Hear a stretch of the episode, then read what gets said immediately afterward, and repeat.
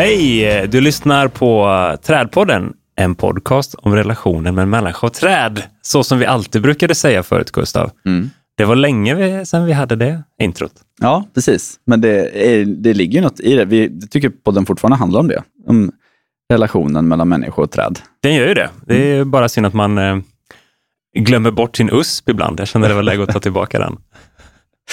Ja. Jag heter Anton Spets och du heter Gustav Neslander och vi sitter faktiskt på ditt kontor idag, Gustav, i Malmö. Jajamän, så vi är på samma ställe en gång Återigen. till. Ja, superhärligt ju. Det är Mm. trevligt. Hur är läget? Eh, det är bara bra. Det är fint. Sommar, härligt. Eh, just nu eh, hängt lite på Österlen och inventerat träd. Väldigt mysigt. Eh, alltså, Hängt lite på Österlen. ja, men det, eh, jobbar åt Simrishamns kommun. Så Alltså, ja, ja, men det, jag har haft jobbigare uppdrag kan jag säga. Förstår. Och det är nu man ska minnas hur det är på vintern. Att så här, ja, gå med blöta skor i något eh, Symphoricarpus snår. eh, liksom. Nu så här, trippar jag runt bland stockrosor Ja. och eh, för, viktigast att jag tänker på att ha på mig någon solskyddsfaktor. Liksom. Just det. Och Mm. vatten. Ja. Ja. Ja, precis. Ehm, Härligt. Ja, annars så, eh, ja, vi hade nyligen ettårsjubileum på jobbet, lite försenat, men det var väldigt kul. Fest, kom mycket branschfolk hit. Ehm, och nu i maj så har jag varit en sväng till Norge eh, på en, eh, ja, en, en branschdag om Mhm. träd som kommunen anordnade, men det Mm. var folk utifrån också. Jätteroligt. Kul folk eh, i Oslo kommun och eh, ja, men Många där var så, åh, vi ligger så långt efter Sverige och ni är liksom så i framkant. Och på viss, absolut, på vissa fronter så kanske vi är det. Men vi är också mer högljudda tror jag. Mm. Ehm, ja, men faktiskt, jag tycker att de var liksom, hade jättemycket intressanta idéer och tankar och, och verktyg och modeller. Ehm, och jag fick se en hel del spännande planteringar också. Mm. Så att, ja, Mm. ja, men, eh, superroligt. Kul. Nu ska vi inte ta mm, boktipset först, men det kommer faktiskt hem en ganska nice bok ju. Ja, just det. Ehm, den heter, eh, ja, vad heter den? Rötter. Författaren Kristin Moldestad och, Olve Lundeträi. ja, Dålig norska. Ja, men de eh, har ju upptäckt att det finns ett behov. Det finns, det finns inget bra sätt att i fält identifiera träd enbart på rötterna. Det vill säga om du gräver någonstans och eh, ska ta ett beslut att såga av en rot till exempel. Just det. Eh, vet du då vilket träd det, den roten faktiskt tillhör, om det nu står ganska tätt med andra träd? Det kan vara väldigt, väldigt svårt. Eh, det är som ett enda stort mischmasch, eh, nät av rötter. Ja. Och eh, här har de då eh, på 38 olika trädslag eh, faktiskt tagit bilder på rötterna, både på, i genomskärning och på barken. Och, ehm, Finrötter också. Ja, så att, så att man ska kunna identifiera i fält helt enkelt. Ja. Väldigt spännande bok. Och nu ska vi inte raljera över ett annat språk, men det är ju kul att läsa norska namn på träd också. Ja, det är också roligt. Ja, precis. Eh, Quercus på norska. Tyrkisk eik. Frynseik. Ja, frynseik. Okay. Ja. Ja. Ehm, Nej, men grymt gjort att inte det här har gjorts innan. nej, precis. Att, ja, jag bara väntar på nästa utgåva med 100 olika arter eller Exakt. 200 olika arter. Ja. Ehm, superkul bok. Och vill man få tag i den, hur gör man då? Då, eh, ja, det är lite svårt. Mhm. Jag tror man får kontakta Kristin och be Ja. henne skicka till Sverige. För de, de säljer den på nätet via någon sån här eh, bokförlag som trycker själva. Liksom. Mm. Men de skickar inte till Sverige. Så Ja. ja, ja, eh, Vi kanske kan bidra med lite kontaktinfo i alla fall. ja precis. Ja, Annars sitter jag på en liten batch. Så just det. hojta, kanske ni kan, kanske har en extra. Jag vet. Jag Vem kan vara er eh, rotbokskran. Ja, det är bra. Ja. Det är bra. Men du, eh, Nice. ja, supernice. Men det var inte veckans boktips. Det kommer sen. Det kommer sen. Ja. Absolut. Ehm, du då Anton, vad har du gjort sen sist? Jag har gjort det jag brukar göra, åka till Skåne utan att hälsa på dig. det är så dålig stil. Förlåt. Nej, jag har, jag har cyklat lite i Skåne. Fick eh, löste lite barnvakt där och kom iväg och cyklat två dagar från Båstad till eh, Lund. Gött. Ja. Det är ju en bra bit. Ja, 22 mil. Det är jättetrevligt. Övernatta vid Söderåsen. Ja. Wow. Superunne, men det här är ingen cykelpodd heller, men det är väldigt trevligt att cykla i Skåne. Det har kommit nya leder, 57 mil nya leder i Skåne. Oj, Ja, ja, det visste jag inte ens. Jag sommartips. Mm. sommartips. Eh, Skåne är inte platt, va? det är ju brutalt vilka höjdskillnader det kommer när man kör inåt landet. Men det var jättefin, framförallt landskapsupplevelse. Nej, jag har verkligen, jag kan bekräfta det här. Ja. Eh, och det, alltså, Lund och Malmö är ju platt. Mm. Ja, Lomma också kanske. Ja. Men liksom, i övrigt så är ju Skåne lite mer som en ugnspannkaka. Kan man tänka sig. ja, Det det inte plats som en pannkaka, plats Nej. som en ugnspannkaka. Oplatt som en ugnspannkaka. Ja, det händer mycket. Ja, ja men det gör det. Där sista minuterna när den är i ugnen, innan du har tagit ut den. Liksom. Precis. När det är riktigt, eh, ja, det är mycket kullar. Ja.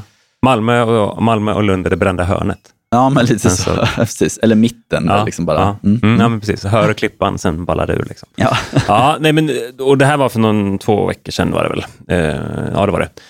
Men redan då började vi ju se lite eh, torka faktiskt. Mm. Men Det var eh, lite oroväckande. Mm. Men vi kommer tillbaka till det sen. Men det var liksom, det är alltid intressant att komma iväg och jämföra lite status under tidig sommar. Eh, om man ser att det kommer en stress liksom, på ställen som det inte borde komma stress. Mm. Sen har vi också dragit igång en återinventering av iTree. Eh, det är riktigt kul.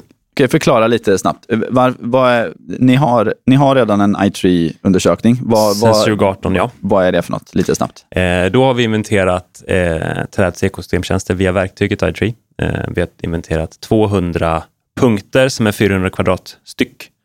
Som är helt eh, slumpmässigt spridda över hela ska man säga, staden, om man Mm, säger så. mm. Inte kommunen, utan stadens Mm. utbredning. Och eh, nu gör vi det igen fem år senare. För att mäta då eh, hur utvecklas våra ekosystemtjänster? Hur påverkas träkronstekniken? Hur påverkas våra Eh, finns det några nya trädsjukdomar och så vidare? Hur, hur mår trädbeståndet helt enkelt? Och det intressanta nu blir ju att ha, när vi får differensen eh, mellan 2018 och 2023 när vi är klara där. Mm.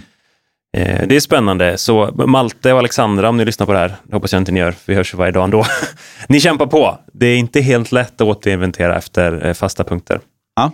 Ja, men spännande. Men det är, ju- jag tänker mer på resultatet, så sjukt kul att ni kommer Mm. kunna då faktiskt se om ni går framåt eller bakåt. Verkligen. Och det är väl egentligen först då man kan börja jämföra. Resultatet är ju intressant att jämföra inom en kommun. Det är ju inte så intressant att jämföra mellan kommuner. Ja, nej men precis.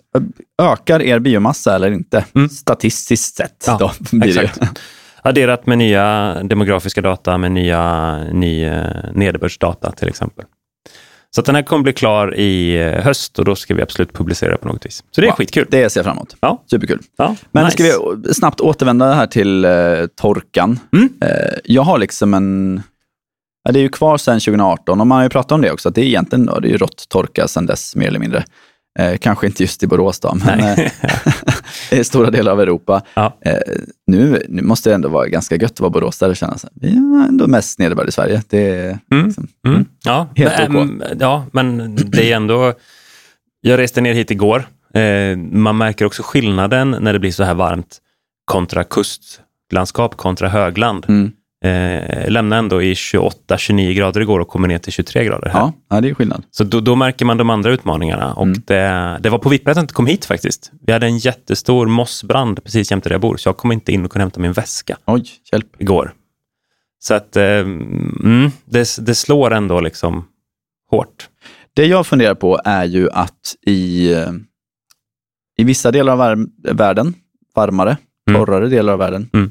Där vattnar man ju faktiskt eh, uppvuxna, etablerade träd. Ja. När kommer brytpunkten att vi kommer behöva göra det i Sverige? Mm. Har vi infrastrukturen för att göra det? Har vi tillräckligt mycket med vatten Mm. för att göra det? Och vart hämtar vi det vattnet? Ja, alltså det här är en ganska akut fråga som vi måste ställa oss och måste försöka lösa ganska snart tror jag. För grejen är, fortsätter det liksom sommar efter sommar vara så här torrt, så kommer vi se fler och fler stora uppvuxna träd som dör. Mm. Ehm, och jag är ledsen, liksom, men i många av våra storstäder, vi har inte råd med en till liksom, wipeouts alla eh, almsjukan. Nej. Det går liksom inte. För, att, för vi, har inte, alltså vi kan lägga hur mycket resurser som helst på att plantera nya träd. Det kommer inte, vi kommer inte kunna betala tillbaka den skulden om våra liksom, stora gamla lindar, ekar, Mm. björkar, eh, lönnar plötsligt börjar dö av torka. Alltså det, det, det går inte. Så vi måste någonstans vara liksom beredda på att, ja, bokstavligt talat, höll jag på att säga, släcka bränder. Mm. Ehm, så det, ja, ja, men eh, liksom är, det, är det här en fråga ni ställer er? Absolut. Alltså, etableringsskötsel kostar ju pengar och det är tyvärr ofta där det prutas i större projekt. Men där försöker vi ju lägga mer pengar nu. Eh, vi såg ganska tidigt under den här torkperioden att träd som är mellan 5 och 15 år, alltså på plats mellan 5 och 15 år, också börjar ta stryk. Mm. Och, och det är ju lätt att hantera. Mm. Eh, de, de har varit där nyligen och etablerat vattensäckar, alltså för några år sedan. Det är bara att ta upp det där igen. Men jag ser en jätteutmaning med att börja vattna stora ledträd i mittrefuger. Alltså det, Mm. det, det, det är otroligt mycket mer kostsamt. Mm, mm, Och det tror jag faktiskt inte vi får stöd för, om jag ska Nej. vara helt ärlig. Nej. Tittade tillbaka på statistik från 2018, så mest körde vi ut med fordon 65 kubik per dygn. Mm. Eh, och då ska man komma ihåg att vårt största tank är 5 kubik på lastbil. Ja. Så att, eh, och, men då var det ju allvatten, då var det ju säsongsblommor och busk och träd och nyetablerat. Mm. Men ehm, det är ändå stora mängder. Ja, nej, det är viktiga frågor. Jag tror att det är många kommuner och förvaltare där ute som måste börja i alla fall liksom leta lite i bakhuvudet. Vad gör vi Ja. om vi liksom Ja. på de här stora gamla träden börjar se torkskador? Hur, För- vad, vad ska vi göra? För det, man sen, det, det jag är rädd för i nästa steg, det är ju att träden blir nedsatta av någonting annat. Mm. Att det är liksom torkan som får dem att tippa över kanten. Jo, jo, precis. Och, och då tas ju andra beslut. Eh, ja, men nu är det här trädet en risk. Tjoff, så Mm. åker det. Ja. Så att, att stora träd klarar lite torka då och då, jo det gör de ju. Men vad blir den så att säga snöbollseffekten av det? Ja, sänkt vitalitet på träd, då har du större risk för sekundära skadegörare. Mm. Alltså vednedbrytande svampar eller, Mm. eller annat. Ja. ja, viktiga, kanske lite allvarstyngda frågor, men Ja, vi måste ju ändå precis. snacka om det. Ja, ehm, sen har vi fått in en lyssnarfråga. Mm, men precis. Jag kan läsa den. Eh, från en tjej som heter Mia. Hon jobbar som arbetsledare på ett bostadsbolag. Hon får väldigt många frågor från hyresgäster om att plocka ner träd, till exempel på grund av fågelbajs, löv, lövskräpning, eh, annan typ av nedskräpning från träd med mera. Hur ska man föra den dialogen för att liksom vända den där trenden? Vad skulle du säga? Ja, men precis. Det är, dels är det det, liksom, det vi håller på med här i Trädpodden. Lyfta träd. Lyssna på Ja, Trädpodden. nej, men lyfta trädens värde. Och det är ju lätt att säga det. Liksom. Ja, Mm. men prata om att de skuggar och svalkar och så vidare. Men, men just, det handlar ju mycket också om tajmingen.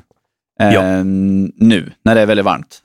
Folk plötsligt sitter i skuggan under träd. Ja, ja, ja. Påminn dem om att de faktiskt sitter i skuggan under ett Mm, träd eh, och inte under ett eh, segel. Liksom. Precis. Ehm, Eller hur mycket najsare det är att sätta sig i en bil som är sval för har stått under ett träd. Må hända då att den råkar vara lite klibbig. ja. Och, På utsidan alltså. Precis. Vissa är kanske inte är mottagliga för den här typen av information. Nej. Då kanske man kan välja en annan sak, kanske till exempel biologisk mångfald, som många ändå eh, känns som att de flesta kan sk- liksom skriva under på att det är en viktig fråga. Mm. Eh, och då kanske man kan få folk att vilja försvara träden på det sättet. Mm. Att, ja, men, nej, men eh, har vi inte några träd så har vi ju inga insekter och djur som kan bo här. Eller? Nej. Nej, just det. Just det. Mm. Så, nu kanske vi får ta det, lite nedskräpning. Mm. Ehm, en annan liksom, viktig aspekt är ju faktiskt att fråga sig vilka är det som vill att det här trädet ska tas ner? Det. Eh, är det den stora majoriteten? Nej, Mm. troligen är det en eller ett par hyresgäster som är väldigt högljudda och bestämda. Mm. Eh, det råder inte liksom en kultur i Sverige av att man springer runt och kärleksbombar träd. Nej, Nej, till hyresvärden liksom och bara, åh, gud vad glad jag är att vi har så mycket fina träd här och vill påminna om det varje dag. jag får några sådana mejl. Eh, Ja, men det, det är toppen. Liksom. Mm. Men de, de, de, de lägger vi tungt mot Ja. de andra mejlen. Mm. Så kan man säga. Ehm, nej, men så att, eh, tänk på det också. Går man en sån person till mötes så kanske det är många andra som det faktiskt blir jätteledsna av att trädet Mm. försvinner. Och, och det går ju att bygga system för det här också. Alltså ge ut en, en väldigt enkel informationsblankett. Vi Mm. har en superenkel sida på Borås stads hemsida eh, som förklarar när vi fäller träd och när vi inte fäller träd. Och passa på och väldigt, väldigt övergripande beskriva ekosystemtjänster till exempel. Mm. För då det, det det signalerar också är ju att förvaltningen vet om. Mm. De ser de här problemen, de bevakar dem och de jobbar med frågan. Mm. Det kan också information vara väldigt, väldigt bra till. Mm. Jag såg en, på tal om det, hur man ska också kanske smart kommunicera kommande ekologiska utmaningar. Eh, Gotland förra året hade gjort en jätteintressant tävling Mm. där man fick, eh, man fick tävla om den som hade fulast gräsmatta. Den vann. För att liksom vända tankarna och trenden om att man måste vattna sin gräsmatta. Ja, ja. Det menar, kunde man gjort något liknande med träden på bostadsgårdarna? Eh, ska inte säga den dödaste tallen, inte det, men alltså ja, smarta tävlingsmoment som lyfter klimatfrågan. Fila lite på den, men ja, Ja. absolut. Mm. Ja, Mm. jag ska fila på den. Ja, du är välkommen att återkomma med eh, eh, konkret förslag. Jag, jag tänker också på, eh, man, vi är i Malmö, Ja, det hörs. Mm. ända in i micken hör vi måsarna. Ja. Tur vi stängde fönstret. Eh, nej, men det som ni har jobbat lite med, trädskyltar, Mm. Ja, precis. är ju också en sån verkligen konkret kommuniceringsåtgärd. Ja, och det är ju jättebra att sätta ut dem, till exempel nu när det är väldigt varmt. Mm. Eh, tycker jag är en bra idé. Ja. Eh, ja, men liksom, tänk på tajmingen. Eh, har det precis kommit ett eh, skyfall och det blev översvämning någonstans, ja, Mm. då kanske vi ska belysa att träden faktiskt hjälper till att fånga upp dagvatten. Mm. Och en sista framgångsfaktor som jag upplever det är också åk ut och ta dialogen på plats. Mm. Sv- Svara inte sådana här personer på telefon och mejl Ah, enbart, ja. utan Mm. vi kommer ut och så Mm. pratar vi. Mm. Då får man också chansen att återigen beskriva och också skapa en förståelse för att just bostadsrättsföreningen eller eh, skötselbolaget jobbar med frågan. Mm. Och då blir ofta väldigt många personer lugna. Lycka till med det Mia, tack för din fråga. 7H Skog och Entreprenad erbjuder tjänster inom trädfällning, sektionsfällning, trädvård och markentreprenader i Göteborg med omnejd. Surfa in på 7hskog.se för att läsa mer om deras tjänster. Tack 7H Skog! Utan ert stöd hade vi inte kunnat göra Trädpodden. Kommer fram till dagens tema. Eh, kanske lite eh, kryptiskt namn på dagens avsnitt. Det är avsnitt 54, det sa jag inte i, i introt. Eh, vi ska snacka om istället för rosacea. Vad menar vi med det, Gustav? Ehm, vi menar att eh, vi vill lyfta bra alternativ till eh, växter ur rosaceafamiljen. Mm. Men varför målar vi ut rosacea-familjen som the bad guys? Eh, nej, det är the good guys, absolut. de, är, nej, men de är jättebra. Ehm, men om jag kanske börjar med att rabbla upp vilka släkten som tillhör familjen rosacea. Mm. Eh, och nu, jag kommer inte rabbla upp alla, men några av de vanligare. Liksom. Här skulle vi haft en sån tävling. Rosacea eller inte. Ja, precis. Okej, Eh, kör. Ja, men vi har rönn, Mm. oxel, allt sånt här. Äpple, körsbär, plommon, päron. Häggen är ju också en Mm. rosacea. Mm. Eh, sen har vi lite buskar, rosor, eh, oxbär eller cotoneaster som vissa säger. Hagtorn, eh, amelanger, eh, alltså mis, häggmispel heter det. Eh, aronia, spirea, Alltså kort och gott, det är en gigantisk familj. Ja, precis. Eh, och mycket av de liksom absolut vanligaste träden vi använder i, ska man säga, Bebyggd miljö. ja, eh, i den mindre skalan. De, de mindre träden Just det. tillhör familjen Rosacea. Mm. Mm. Eh, men det är ju träd med, ja nu räknar jag upp några buskar också, men vi, håller, vi kommer hålla, fr- framledes så kommer vi hålla oss till träden. Mm. Eh, men det är ju träd som har många fördelar. Eh, Nu sa vi inte rosor, men det fattar man ju. Ja, också. precis. Ja, de stod, Mm. ja, Mm. precis. Hos oss. Ja, tack. Ehm, vi sa inte smultron, vi sa inte jordgubb. Ja. De har ju många fördelar. Det är eh, generellt sett relativt små träd Mm. som är väldigt lätta att förutse slutstorleken på.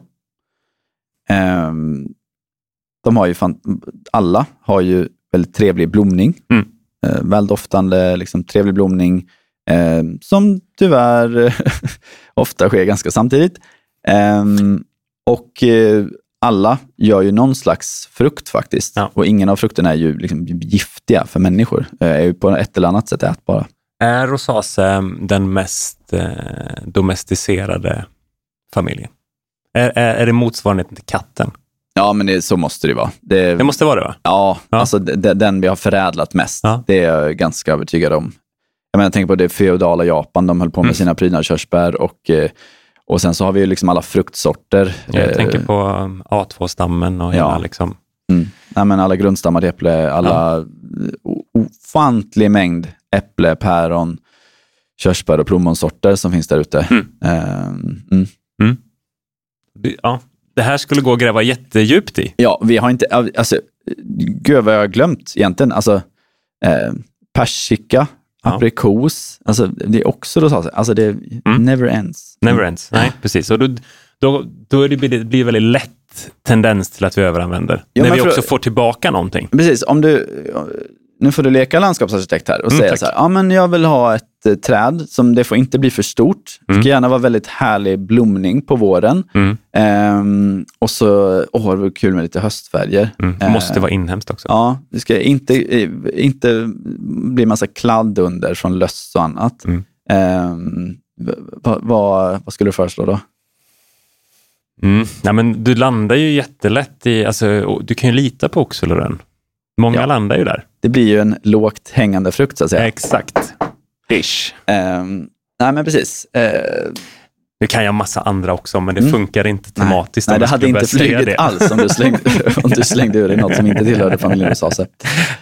Ehm, ja, nej men, eh, och det, de här fördelarna har gjort att det, är- det är ju en växtfamilj som är Mm. väldigt överanvänd. Ja. Och jag skulle säga sen 80-talet och framåt i alla fall. Mm. Eh, ja, det är ännu längre tillbaka egentligen. Men, men jag menar, om man runt på, nu pratar jag mycket så här gårdar, Mm. eh, den typen av platser.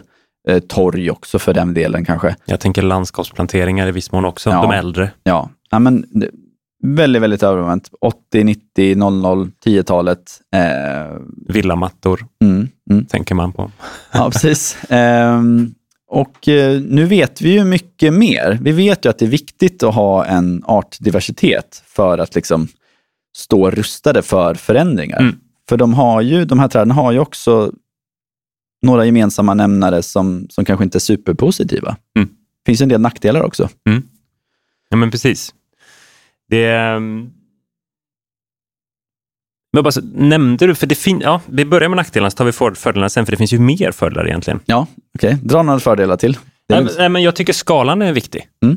Jag tror att det också har varit, förutom frukten, blomningen, leveransen, så tror jag att det har varit en väldigt eh, tacksamt argument. Så här, är det ett eh, Astrid Lindgren-syndrom?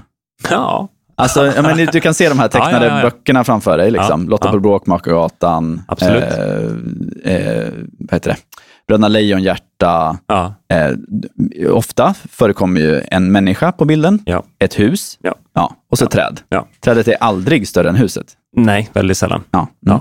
Ja. I alla fall om du är i bebyggd miljö. Mm. Mm. Mm. Oh ja, eh, så är det. Ja, och sen också, jag ska köpa ett träd till någon som har köpt ett hus. Mm. Det är kul om det ger frukt. Ja. Och då har, du, då har du trillat ner i rosaceaträsket, i princip direkt. Precis, och där är det ytterligare en sån sak som jag... Det, får jag raljera? Ja, kör. Ja.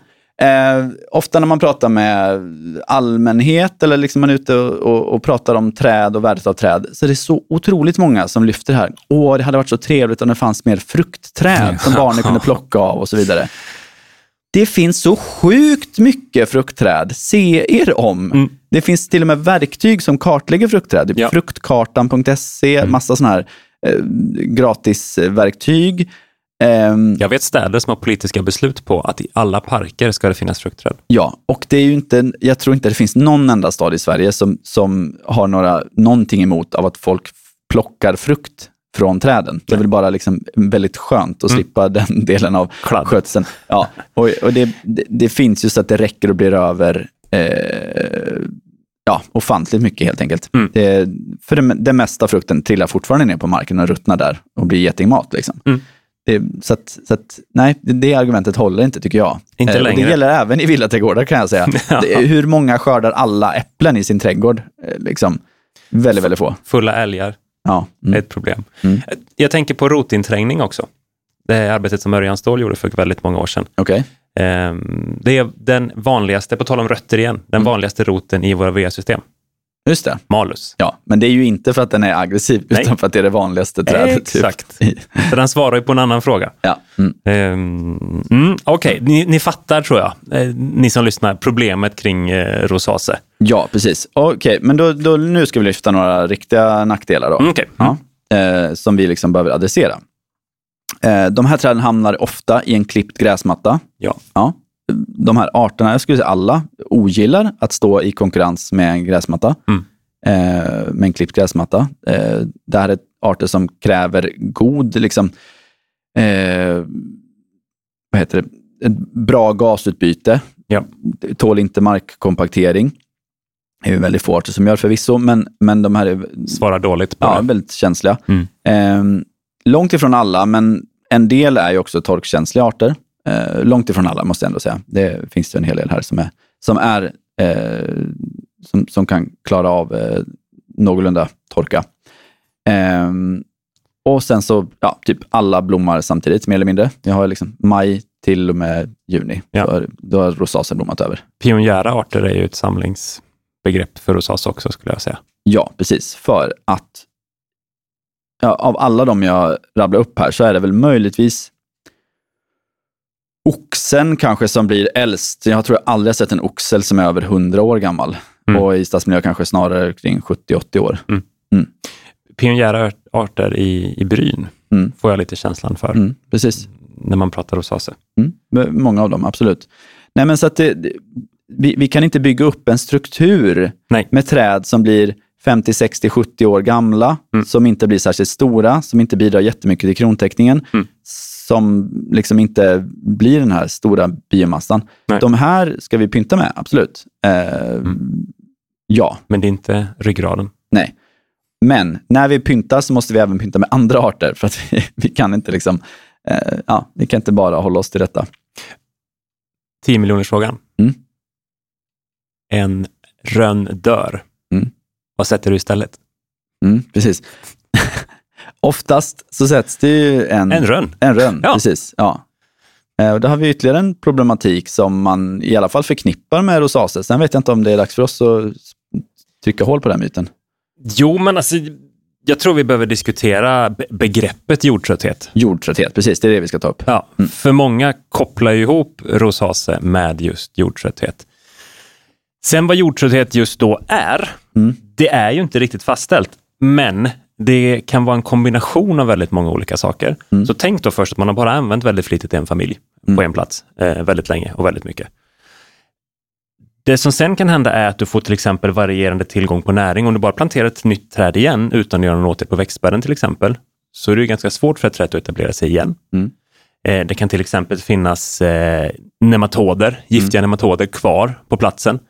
Eh, det kan också finnas en plogsula som är svår att hantera. Mm. Det kan finnas en förstörd eh, markstruktur. Mm. Eh, det måste man också addera och alla de här delarna ihop eh, kan då upps- upplevas vara värre på platser där det har stått växter i rosacea-släktet. Mm. Så säger myten. Precis, jag kan ju bara ta från plantskolevärlden där Mm. man oh, verkligen var tvungen att, att eh, tänka på någon slags växtföljd Just det. eh, när man odlar rosacea på friland. Eh, för att det, ja, det var svårt att få dem att ta sig igen. Och där, var det, där pratar man mycket om just nematoderna då, att de, Mm. eh, de finns alltid på liksom etablerade stora träd, men ska du nyetablera träd eh, som inte har så kraftigt rotsystem så tål den inte den här eh, förekomsten av Nej. nematoder. Så det var liksom det- det var en, en absolut befäst sanning där och då. Ja. Eh, samtidigt så nu har jag inför det här avsnittet och tidigare också försökt liksom hitta den här forskningen som faktiskt befäster det här. Mm. Nej, inte så lätt att hitta. Eh, liksom, det, känns som att jordtrötthet är snarare eh, ett, ett ganska enkelt svar på nog en väldigt komplex fråga. Mm, så kan det vara. Eh, jordtrötthet, är jordtrötthet vår nästa eh, JAS-myt att slå hål på? Ja, det hade varit kul. Jag vill skicka ut en utmaning till Mhm. lyssnarna här. kan ni snälla hitta, ni som är duktiga på detta, hitta något Belägg. belägg eller, eller motargument liksom, till rosacea. För min gissning är, eller till jordtrötthet, min gissning är att varför man förknippar jordtrötthet med rosacea kanske är precis samma sak som med eh, rotinträngningen i VA-ledningar. Ja. Det är att det är väldigt, väldigt väl använt. Mm. Och det är också, eh, man har haft väldigt svårt att byta ut, som du sa, en rönn mot något annat än en rönn för att man vill ha ett träd i just den storleken. Och då finns det inte så jätte, jätte, jättemycket att välja på. Fanns, Fanns, precis. Mm. ska vi väl säga. Så att, eh, vi har väl lärt oss ganska mycket på de här 50-40 åren i alla fall. Och lite det vi vill komma in på nu. Eh, och och bara för att avrunda det där också. Inom jordbruket har man ju en jättegod koll på växtföljd. Men vi har varit lite slarviga kanske Mm. i vår bransch. Ja. Att ta till oss den kunskapen. precis. Det kan vara en sån sak. Mm, kan vara Ja. så. Mm, absolut. Trädpodden tackar vår sponsor Stångby plantskola. Stångby producerar växter av högsta kvalitet och är en av Sveriges största producenter av E-certifierade träd.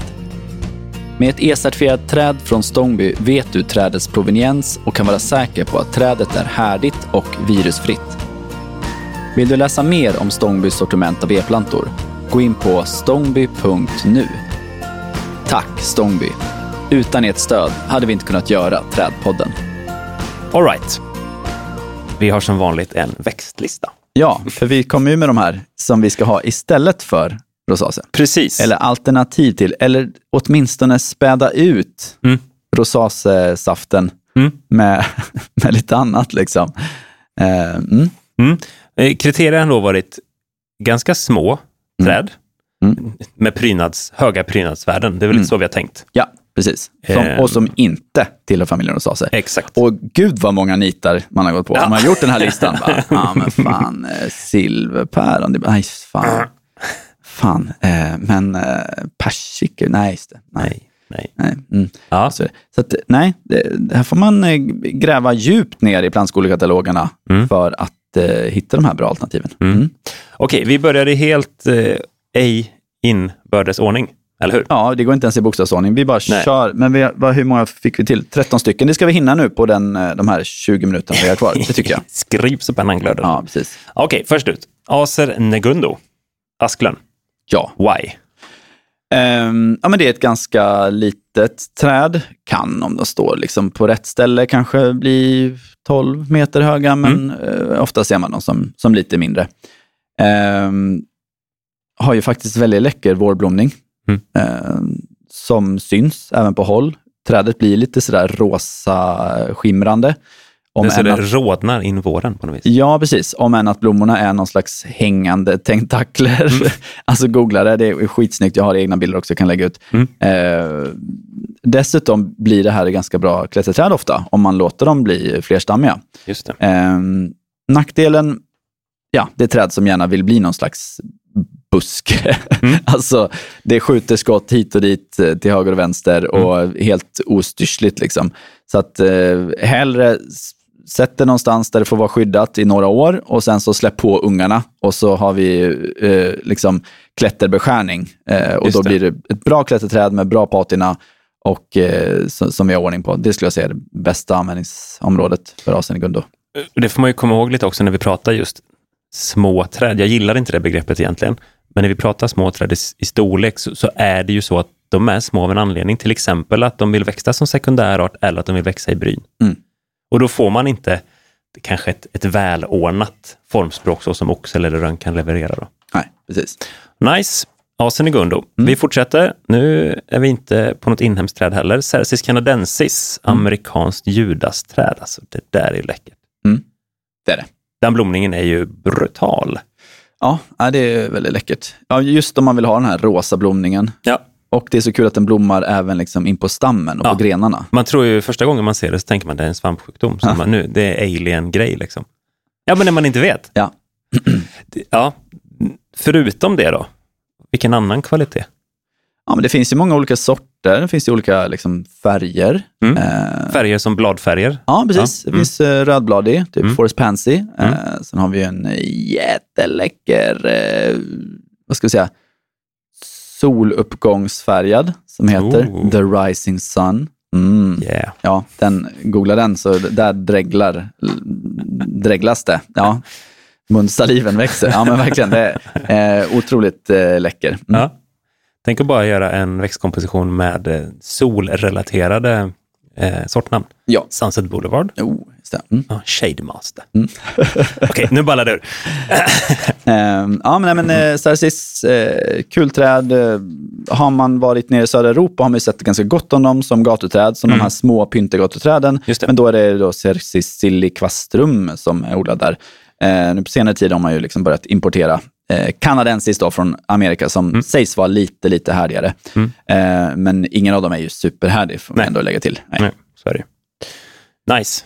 Nu kommer din Love of all time. Ja, precis. Den brukar ju letas in här eh, i de här typen av listorna. Men det, är, eh, alltså silverpäron är ju poppis. Rosas. Ja, precis. Mm. Och, det, och det är ett rosacea. Eh, men väldigt, väldigt poppis i villaträdgårdar och Oh, annat. eh, inte minst de här hängande sorterna. Men som ett jättebra alternativ till dem är ju faktiskt eh, smalbladig silverbuske, Mm. eller Agnus angustifolia. Mm. Ehm, ett dels kvävefixerande träd, väldigt liksom torktåligt, värmegynnat, eh, Mm. men också härdigt ganska långt upp i landet. Ehm, och eh, är ju sådär härligt silvrigt och gött Mm. och beter sig lite som ett silverpäron också. Det blir ingen sådär superfin krona, utan det, det blir någon slags buske och man kan, den kan lätt hänga ner mot marken, men man kan också med, med, Ja. med rätt typ av beskärning få dem att bli riktigt, riktigt fina. Alltså så här, jag har så otroligt svårt för silverbladsfärgen. Alltså. Ja, det där får du bara släppa. Så Nej, jag det- får panik. Men jag har, en lös, jag har en lösning på hur man kan använda det. Jag tror vi använder den fel. Mm. Man ska inte använda den som solitär. Mm. Grupplantering, Gå ner, efter det här så går du ner till... eh, ja jag vet. Vet du vad jag ska säga Ja, nu? Ja, tror okej. Caroli Ja. City. Ja, Ja. ja, Mm. Absolut. För då har du barr i Ja. kontrast. Mm. Är, jag, vill, jag vill bara komma från, nu bashar jag mot villaägarna, sorry. Men Silver, alltså, Silvriga barr förvisso. uh, ja, men alltså, avenbågshäck, kortenstålskant och så kommer ett silverpäron. ja, nej, det är inte snyggt. Skjut mig. Mm. Mm. Okej. Okej, bort med den. Ja, Okej, den, den kvalificerar i alla fall på listan. Det, vi Det pratar ju om alternativ här. Ja, ja, ja. ja, precis. ja. Men man, man har olika smak. Jag säger bara att sluta överanvänd Ja. silver. Precis. Um, Okej, men nu har jag en sån liten eh, personlig favorit som heter Mhm. jasmintry. Mhm. Ja, och eh, det är varken en jasmin eller en try, men påminner mycket om det på, det på, på sitt sätt. Men på latin heter den Heptacodium myconoides. Eh, en, ja, det är väl en asiatisk art, är jag ganska säker på. Ja, det tror jag. Ja, eh, som är liksom väldigt läcker. Eh, tänk dig lite som en koreatry kanske du har sett någon gång. Eh, En, en Lonicera macki som Ja, liksom blir så här flerstammigt, ganska bra små klätterträd också av dem. Mycket trevligt. Eh, Heptacordium, samma typ av liksom stam, lite så flagnande bark, eh, fin, ja, trevlig Mm. stam på den. Mm. Eh, men den har något som väldigt få träd eh, har. Den blommar med jättehärlig jasmindoft, vita små blommor. ehm, I ja, september, oktober ibland. Nice. Ja, och då är, då, för där och då har många pollinerande insekter liksom panik. De Mm. behöver liksom sista slurken nu. Eh, Och ur ett mänskligt perspektiv, då är man ju så trött på klorofyllgegget. Ja, det är bara precis. grönt överallt. ja, då behöver vi lite, Ja. och lite dofter. Ja. Va? Mm. Oh ja. Ehm, så ja, men för den varma men kanske också samtidigt lite skyddade platsen. Mm. Kanske inte absolut så här blåsigaste stället kommer den inte funka på, utan Mm. lite mer skyddat men gärna hyfsat varmt. Eh, superläcker. Men jag har sett den både liksom i så stenplanteringar, finns det jättebra från Trädgårdsföreningen i Göteborg, står ett Mm. snyggt exemplar. Mm, mm. Ehm, I Malmö finns den i Kungsparken, lite så undangömd, Mm. eh, lite mer skyddat, skuggigt, funkar bra där också. Ja. Har använts med fördel på sommargator i uh, upphöjda planteringar eller liksom tillfälliga planteringar. Så, mm, Just ja, men Superkul växt. Nice.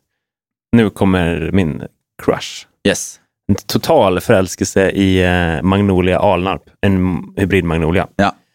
Och det är egentligen, det kan låta jättefåfängt, men det är egentligen enbart för färgen på blomningen. Det är väl så du faller för en magnolia. Men när har du inte sett den här innan och så ser du den blomma, det är verkligen i kategorin soluppgång, solnedgång. Mm. Persika med bränd kant mot eh, rosa. Oh la la. Ah, herregud vad snygg den är. Det, ja, det är helt galet. Och eh, det är lite kul då, för det här är en spontanhybrid som uppstod i eh, Karl-Evert Flinks trädgård utanför Bjuv. Han Där jag snackat om innan. Mm. Har du varit där nu? Nej, men jag har varit där en gång Ja. med skolan. Ja, ja, för ja. Då, Mm. vad blev det, 12 år sedan? Innan du visste vad du, vad du fick titta på. Då, och då levde Karl-Evert Flink, så jag har Ja. träffat honom. Ja, coolt. Eh, Mm. VD för Findus och en otrolig trädkunskap besatt Ja, precis. Han hade mycket pengar och Mm. mycket kärlek för träd Mm. eh, och eh, ja, gjorde sitt eget arboretum Ja. och var jätteengagerad i Magnolia-frågor framförallt. Mm. Eh, Och en av, eller är in, initiativtagaren till Magnoliaskogen i Alnarp. Ja, och i, i ett gammalt avsnitt med Magnus Karlgren Mm. så berättar han mycket mer om Karl-Evert Flinks arboretum som ju han driver idag. Han bor där. Mm. Så att, eh, och den har uppstått som en spontanhybrid mellan Magnolia acuminata Fertile, fer, fertile Myrtle, svårt att säga, Ligger gott i munnen. ja, or, och Magnolia spränger i Diva. Mm. Så att eh, kan ni lägga klorna kring den här så gör det. Eh, jag har gjort det. Den står i Stadsparken i Borås sedan ett år tillbaka. Den är också bara så, så form, ganska formstarkt, bra Ja. träd. Ja, liksom, ja. Som en jämn, bra krona. I, i, och absolut, vi pratar här rosacea-storleken. Liksom. Kanske i storlek med en, en rönn, kanske en mindre oxel Mm. så småningom. Liksom. Men, men eh, och stannar nog funkar där. ju både som parkträd men också stabil för att vara magnolia som gatuträd. Mm. Ja, men absolut. Så- Bara ha tillräckligt växtbädd och Ja. tillgång till vatten där så, så funkar den ju. Sign it up. Vi hade ju en jättekul upplevelse när vi intervjuade Mattias förra gången. Ja, just Vi det. gick ju en liten sväng i Malmö Ja, vi gick till, eh, nu ska vi se, det heter Majestratsparken. gick Just det. Mm. och snickesnackade lite och så visade du världens bästa klätterträd. Mm. Och det var en eh, parotia. Ja, precis. Eh, papegojbuske Ja. eh, som eh, står där också lite så här undangömd, lite krokig, lite, eller krokig, det är som en vresbok. Alltså, Den ser helt- ju ut som en havererad avenbokshäck Mm. på håll. Du Ja. fattar liksom inte vad det är. Och så Nej, går man in och så precis. bara, barn har klättrat rakt in i den här och du har liksom grenstruktur som är kraftigare än mitt lår, men som har patina liksom av tusentals Mm. barnhänder och fötter. Nej, men eh, ypperligt klätterträd. Går också utmärkt att ha på stam som enskilt Mm. träd, eh, solitärt, och, eh, eller i gatumiljö. Eh, kommer ju då från Iran, från liksom bergssluttningar där du har liksom kalla vintrar med pinande vindar. Sen har snustorra somrar där det är superhett. Jag menar, det här är en träd som funkar i Ja. städer, absolut. Ehm, och eh, har ju dessutom bidragit med mycket färg. Så Ja. det, det, ordet papegoja kommer Mm. ju inte av en... Mm. Liksom, det, det, Det är ett bra svenskt namn för en gångs skull. Ja, tycker Mm. jag. Ja. Mm. Och, och, det är då liksom på hösten när den ska slå om. Så liksom, ja men, tänk er när liksom bladen drar tillbaka klorofyllet och det börjar få sin höstfärg, som Ja. de flesta träden på något sätt gör. Den här gör det liksom lite som i, som i ett etapper, så Mhm. det bildas som en liksom regnbågsfärger, precis som en eh, papegojstjärt faktiskt Okej. på, på bladen. Ja. Otroligt läckert. Har också jättefint i blad- bladutspringet, kommer också ganska färgglatt. Mm. Eh, sen då grönt på sommaren, även om det finns de som är lite mer rödbladiga. Ja. Eh, har blomning som kanske inte är jätte liksom, anmärkningsvärd, kanske snarare som en ja, liten lönn eller så. Mm. Eh, kanske inte det man lägger till märke till, men, men det, den blommar ju också såklart, som, som alla träd gör. Ja. Ja, men grymt. Det är en riktig favorit. Vi vill tacka vår sponsor Mareld Landskapsarkitekter. Mareld bidrar med grönblå design för en hållbar livsmiljö genom innovativ landskapsarkitektur med hjärta och mod. Tack Mareld Landskapsarkitekter. Utan ert stöd hade vi inte kunnat göra Trädpodden. Sen kommer vi diskutera lite, vi strök ju vissa växter från den här listan Ja. och vi diskuterar om vi skulle stryka rönnsumacken eller inte. Mm, den blev kvar. Den är kvar. Men alltså, rustyferna, alltså den, framförallt tänker jag att man kan använda den som ett tillfälligt träd. Mm. Här gör vi en sommargata eller här gör vi en plantering i väntan på något annat. Mm. Men man kanske inte använder den som en, eh, det är ingen ryggrad i en brynplantering eller landskapsplantering, för den är ju så rackarns jobbig på att skicka skott. Ja, precis. Och det här är ju typiska brynväxten också, verkligen, som, som ju ska ta för sig där det finns ljus. Och sen så när den blir utskuggad så är den utkonkurrerad. Mm. Ehm, Mm. Så att, eh, ja, men en, en eh, bra växt att använda på rätt plats. Eh, och ja, som sagt, blir ju inte supergamla. Liksom. Det har man Nej. också sett många gånger, att de, de ger upp efter ett tag. Liksom. Men den är väldigt vackert alternativ. Har du väl lyckats etablera eh, en rönnsumack i en kanske en yta som har ganska hög skötselintensitet och, och om den kanske är någonstans 20, 30, 40 år, Mm. så mycket äldre blir den inte. Men den har en leverans under sista delen av, av tiden, just att den blir ganska lite träd. Den har också väldigt vacker eh, fruktställning kvar efter blomningen. Den är superfin. Men vill du slippa skott så kan du gå på sorten Tiger Eyes som är djup flikbladig. Jag tror jag tipsat om den hundra gånger också. Så det var sista gången Rus Tyfene var med i Trädpodden. Punkt slut. Okej, ehm, då nämner jag ett träd som jag kanske har nämnt förut också. Eh, Liguster syren, Syringa reticulata.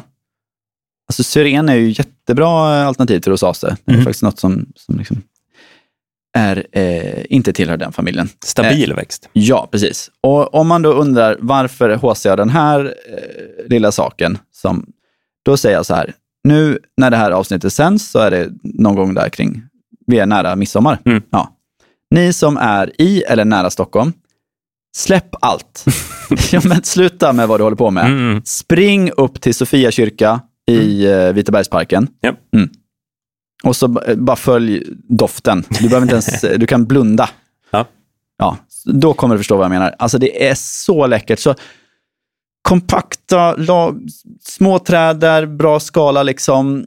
Men helt otrolig blomning. Och blomma senare då än vanlig bondsyren, Ja, med andra ord. ja. Ja, Och blommar. det är också ja, bra. och, det här, och det är en härlig växt. Det här är långt upp i landet. Ehm, Är det så att vi ska byta ut ordspråket mellan syren och ligustersyren? är det så? Ja, men hägg och syren blommar ju, det är ju en kvart emellan numera. Ja, precis. Ja, absolut. Ja. Ja. Nej, men, eh, så jag behöver inte säga så mycket mer. Eh, bra, tåligt träd eh, som Mm. tar lite tid på sig kanske att bli det här liksom, färdiga trädet. Så det. Ja. Och tyvärr lite dålig tillgång på dem i, Mm. plantskolevärlden. Men det, Mm. det är bara att sätta igång och producera mera. Absolut. Japp. Mm. Mm. Nice. Eh, nästa har, det är också en liten crush där och det är faktiskt eh, det är lite tack vare mig. Jag tror att det var du som introducerade den här för mig faktiskt för ganska länge sedan. Tack vare mig. Ja, Ja. ja. gulved. Mm. Cladastis kentukea. Mm. Alltså, shit vad man kan gå och fascineras över det lilla trädet. Eh, Sitt namn har han ju faktiskt fått, för om du fäller en gulved så har han faktiskt gul till röd ved. Det ser nästan ut som trädet blöder. Mm. Eh, drakblod har han också förknippats med. Eh, att man talar om liksom att han har en, eh, i dess vener går det drakblod. Mm. det är lite häftigt träd. Eh, har också en bladsättning som är ganska spännande. Jag vet inte om det heter dubbelt bladbladig, men den har ju väldigt långa blad. Ja, just det. Nej, dubbelt är väl inte. Men det, Vad heter ja, den? Sammansatt blad. Blad. Ja. Ja. Påminner ju lite om kaffeträdet till exempel, Ja, i men- sin bladstruktur. Ja, men, ja, men det är superhärligt parbladigt träd. Och just det, återigen här, eh, träd som blommar väldigt sent. Ja. Eh, vi är också framme kring, ja, in i juli många gånger. Mm. Har din blommat någon gång? Nej, jag har ett spö. Eh, det är faktiskt kul. Det köpte Simon Hannus till mig. Mm. Eh, han var nere kring Linders plantskola för några år sedan. Bara, Köp med något kul, överraska mig. Ja. Köpte han den till mig. Den var skitbra i min egen trädgård. Och det är absolut zon 4. Så det är liksom en tuffing ändå. Ehm, nej, jag är jätteförtjust i den. Och att den också får... Den är ganska faktiskt trevlig i vinden, för bladen står lite och, vippar så här. Ja. ja. Bonusgrej liksom. Bara väldigt, eh, väldigt härlig eh, växt. Ja, Ja. man blir lite kär. Ja, ja men det blir man. Absolut. All right. Ja, vi, vi slängde med några sista. Vi tar fyra snabba nu då. Ja. Okej, en eh, lite oväntad då. Ramnus catartica, getapel. Tror jag inte många har koll på. Nej, faktiskt en inhemsk växt. Eh, ser ut precis som en blandning av kornell och päron, skulle jag säga. Just ja. Ja. Men eh, går faktiskt att få till träd och eh, har härlig blomning, härlig doft, eh, bär som fåglar gillar. Mm. Eh, och man är, alltså, om, när man hittar dem i naturen så är det, alltså jag är varje gång så förvirrad bara, på håll, bara, ett päronträd. Typ, Ja. som bara, Nej. nej. parvis motsatta blad Ja. och knoppar. Ja. Det här, det vet jag, det har inte rosace. Nej. Vad fan. Ja, sen så, ah, Getapel. Tycker- ofta, man kan hitta dem i, i ängar och, Ja. och ofta kan faktiskt i gamla liksom, kulturmarker där det Hörs ju på namnet. Ja. Det är så gött namn. Ja. Getapel. Här Ja, har jag precis. stått och kämpat envist. Liksom. Ja. Mm. Men, och det kan bli så gamla knotiga, precis som Ja. ett gammalt äppelträd. Så att, ja, superkul. Eh, nästa, som kanske inte är ett träd, men ändå måste nämnas i sammanhanget. Eh, Brynväxt. ja, eh, fläder. Sambucus nigra. Absolut. Och i superkvalitet. Alltså, det är ju det som finns att plocka fläderblommor och Ja. göra saft. Det känns som att man alltid gör det i ösregn, nära midsommar, Mm. eh, med en långburk i ena fickan och så ska man liksom greja med det här. Man regnhuvar på sig, blir alltid skitblöt. Okej. Nej, men här, eh, här blommar de ju perfekt nu. Eh, Ja. Så att hela mitt kök doftar fläder. Mm. Underbart. Eh, tips, eh, slarva lite med några flaskor som inte har rengjort fullt och liksom låt och så hoppas. Och så Ah. spar de lite länge. Mm. Så kan man hoppas på lite spontanjäsning. Har det hänt mig? Mm. Ja, då får du en alkoholhaltig dryck som dessutom är kraftigt mousserande, det vill säga fläderchampagne. Kan man Oh. kalla det. Ja. Det gäller. ja. Googla lite recept. Det Mm. går att göra lite mer medvetet, men jag brukar bara råka så här, var tionde flaska. Bara, oj, när man öppnar så poff, jäklar nu. Det var ja. inte saft vi skulle ha nu. Nej, precis. Nej. Men eh, det är typ det godaste jag vet. Ja. Nice. Eh, Okej, en till är ju körsbärskornellen, Ja. cornusmas. Mm. Också Absolut. väldigt litet träd. Blommar trevligt, väldigt, väldigt, väldigt tidig vårblomning. Ja. Mm. Var Ehm, jättetrevlig den. Ja. Och så det sista då, som vi pratade om i förra avsnittet. Men Ja. det är faktiskt också något som man kan slänga in där. Är, Sälj. Sälj. Salix caprea. ja, precis. Absolut. Och det, ja. Men det, den är väl den klassiska, och det var ju Mattias inne på också, det, det är vi blir blinda för våra egna inhemska arters kvalitet. Mm. Ja, precis. Det är ju säljen i sin renaste form. Gul, tidig vårblomning. Jajamän. Supertrevligt. Liksom. Och det här lite mindre trädet. Mm. Eh, lite kortlivat, men, men absolut liksom, funkar ju i, i väldigt utmanande miljöer. Ja. Mm. Oh, ja. All right, hoppas ni antecknade för brinnande livet. ja. 13 alternativ till rosacea. Dysch. Mm. Bra istället för. Ja, men tack Gustav. Vet du vad? Nu ska vi ju i normalfall ha ett kulturtips. Ja. Jag har ett förslag till kulturtips. Ja, Okej, Är du med? jag är med. Eh, Jag sprang på av en slump eh, en ganska nyutgiven bok, tror jag, jag tolkar det som så i alla fall, Mm. som heter När almen tystnar. Mm. Scary va? Från 2023, ja. Ja.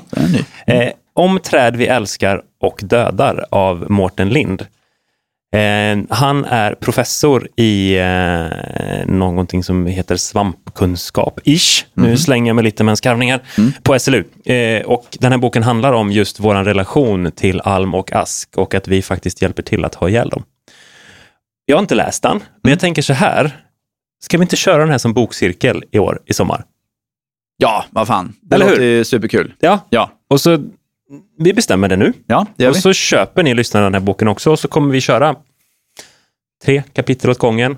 Och så släpper vi det lite under sommaren som kanske en, en kvarts snackis. Ja, precis. Jag kollar just nu här. 325 sidor lång, så Ja. lite lagom. Så. Det, det ska man ändå orka då eh, se igenom. kan vi kanske få till tre, fyra bokcirklar. Precis. Verkar inte finnas som pocket än tyvärr. Men Ah, okej. i alla fall, eh, den inbundna versionen kostar 249 kronor på Adlibris. Det tror jag de flesta har råd med. Ja. Vi gör det. Superkul ju.